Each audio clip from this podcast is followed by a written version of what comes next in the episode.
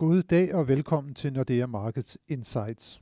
Mit navn er Helge Pedersen, jeg er cheføkonom i Nordea, og i dag har jeg chefanalytiker Jan Størup Nielsen med i studiet. Velkommen, Jan. Tak. Efter en forrygende begyndelse på året kom de finansielle markeder lidt ned på jorden igen i løbet af ugen. Det førende danske aktieindeks OMX C25 har svært ved at vinde fodfæste, blandt andet fordi renterne de er steget både i USA, men også i Europa. Og Jan, hvad er det egentlig, som der har fået renterne til at stige så kraftigt, som tilfældet jo har været? Mm. Altså hvis vi, hvis vi i hvert fald kigger på Europa, så det, der ligesom øh, var den helt store begivenhed i løbet af ugen, det var, at den europæiske centralbank, de havde møde i, øh, i midten af december, og så øh, kom de så i dag ligesom med, med sådan et mere detaljeret referat om, hvad, hvad havde de snakket om, og hvordan de enkelte medlemmer ligesom så, så udviklingen. Og fra det referat, der kunne man altså se, at øh, for det første er de, er de meget begejstrede for, for de ting, der sker i euroområdet. De, øh, de er meget glade for den økonomiske udvikling. Øh, de føler sig også mere overbevist om, at de får inflationen tilbage på, på de her 2%. Og det fik altså flere medlemmer til at sige, jamen vi skal sørge for i god tid at forberede markederne på, at vores opkøbsprogram stopper, og at på et eller andet tidspunkt, vi skal til at sætte renten op. Ja, men gør man ikke det allerede? Altså man har jo den her såkaldte forward guidance, de har jo fortalt, at de kører med det her opkøbsprogram indtil september måned, så skal der gå et stykke tid, inden mm. det er, at renterne kommer op. Hvad, hvad, hvad nyt var der egentlig i det her referat? Jamen der var, og, og, og man er jo helt nede og virkelig og, og kigge på hver enkelt ord. Der er måske også nogen, der overfortolker de her ting. Øh, men, men det var ligesom det her med, at de vil, de vil gentænke deres kommunikation med markederne, og det, det var så nogen, der, og så kan vi snakke om, at det var øh, fortolkning eller overfortolkning, men det var så nogen, der fik dem til ligesom at sige, jamen, de forbereder nok markederne på, at opkøbsprogrammet stopper endegyldigt her i, øh, ved udgangen af september. Så man ikke trapper det ned? Ja. Altså stopper med de 30, og så er det slut i september, ikke noget med så en yderligere nedtrapning til til 0. Det var i hvert fald nogen i markedet, der tolkede det, og der, vi kan jo også se på, hvornår man øh, markedet begyndte at indprise den første renteforhøjelse, og hvis vi, hvis vi leger med tanken om, at, at de formentlig er meget forsigtige i starten og kun forhøjer med, med de her 10 basispunkter, jamen så ligger, det, så ligger der allerede forventninger om, det er marts 2019. Altså, så det er, jo, det er også rykket frem. Så der er i hvert fald nogen i markedet, der, der tolkede det her aggressivt, som om ECB nu vil de ligesom forberedt på, at, at der også er en anden virkelighed, end den vi har været vant til i så lang tid. Ja, for vores forventning er jo vel fortsat, at den første rentestigning først kommer mod slutningen af næste år. Ja, og netop fordi vi, vi, vi tror ikke på, at de bare stopper fra den ene dag til den anden. Vi tror på, at de vil køre en yderligere nedtrapning, øh, så vi får opkøbsprogrammet i hvert fald gennem hele 2018, og så skal der gå noget tid, og så, så er vi lynhurtigt henne på den anden side af sommer 2019. Men, men markedet er ikke, deler ikke helt vores opfattelse, og det, det, vi kan altså ligesom rente til at, at bevæge sig opad.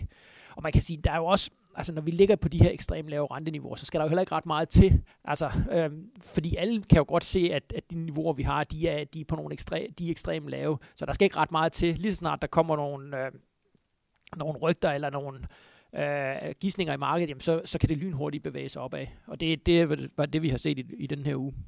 Og det har jo så igen også givet nogle øh, påvirkning inde på, på valutamarkedet.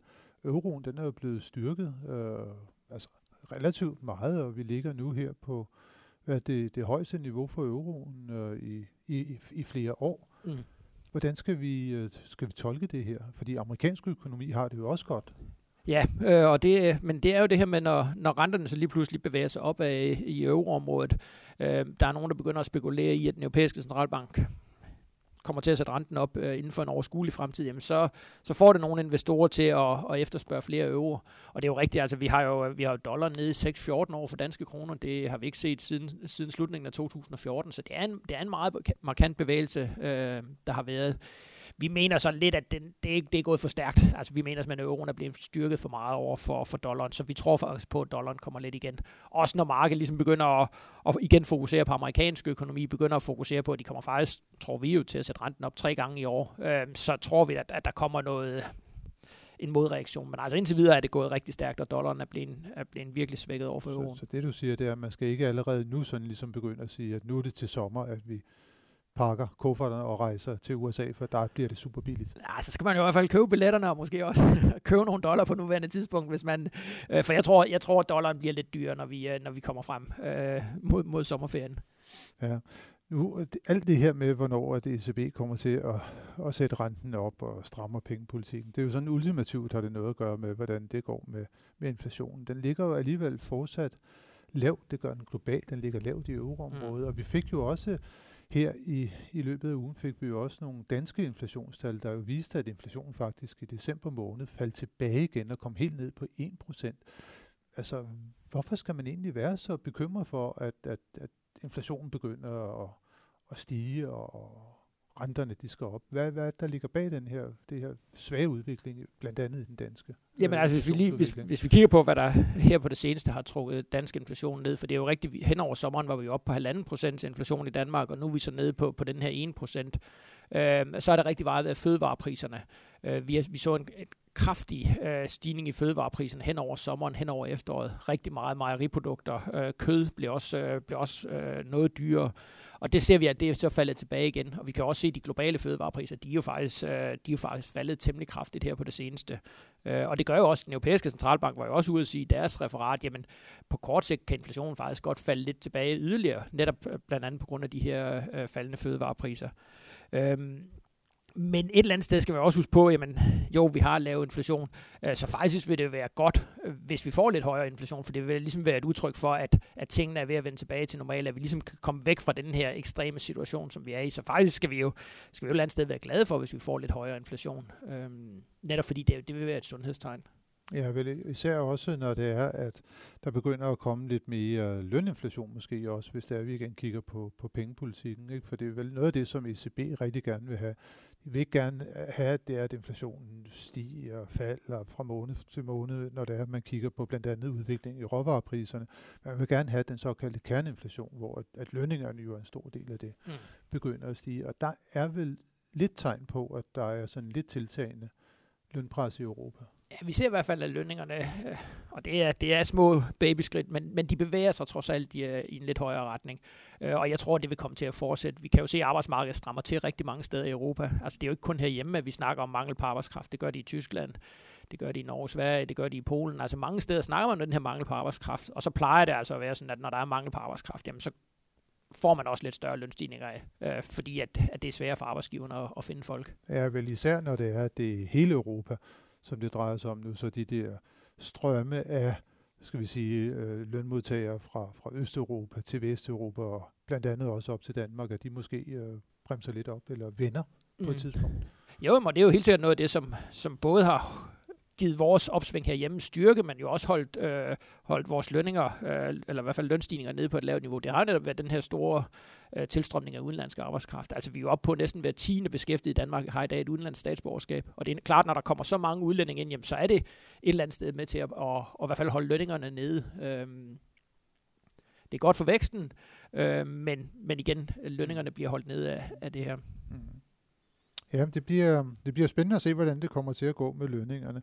Hvis vi nu så kigger sådan her på en helt kort bane og ser fremad på, på næste uge, så det ser lidt tyndt ud på den her nøgletalsfront. Uh, der kommer noget, noget britisk inflation på tirsdag, der kommer nogle BNP-tal fra, fra Kina for fjerde kvartal øh, på torsdag, og fredag der kommer der forbrugertillid fra USA. Men det er ikke sådan nogle af de sådan helt tunge nøgletal. Uh, til gengæld, Jan, så er regnskabssæsonen jo begyndt, og den kommer nok i fokus her på, på markederne i næste uge. Hvad øh, skal vi forvente os fra den front? Jamen, det er helt sikkert, at, at det bliver det store samtaleemne på de finansielle markeder. Det her med, altså nu starter regnskabssæsonen, starter i USA, øhm, og så, så kommer vi så først i næste uge igen der, med de første årsregnskaber fra de store virksomheder herhjemme. Men det bliver det, der er fokus. Og der, det, det her med, om det, der bliver det helt store... Øh, området, jamen det er jo det her med, jamen er virksomheden i den her glo- stigende globale vækst, vi har set, er virksomheden i stand til også at veksle den til, til stigende indtjening. Og der har markedet jo allerede, og som vi snakker om tidligere med de kursstigninger, der har været, markedet har jo allerede øh, taget, taget meget af glæden på forskud, og der bliver det rigtig spændende at se, om virksomheden så er i stand til at, at opfylde de her øh, stigende forventninger til, om, øh, altså om de simpelthen kan levere varen. Øh, Øhm, så det, det bliver rigtig, meget spænd- øh, rigtig spændende at se, hvordan det, hvordan det kommer til at forløbe. Så det er især der, hvor vi skal have fokusrettet måske i løbet af næste uge. Ja, det vil jeg sige. Så, men det bliver som, øh, som sagt øh, rigtig, rigtig spændende at se, hvad det er, som den kommende uge den vil byde os. Tak for nu, Jan, og tak for alle jer, som har lyttet med på denne uges podcast. Det håber vi også, at I vil gøre i næste uge hvor vi er tilbage med friske analyser og vurderinger af de finansielle markeder.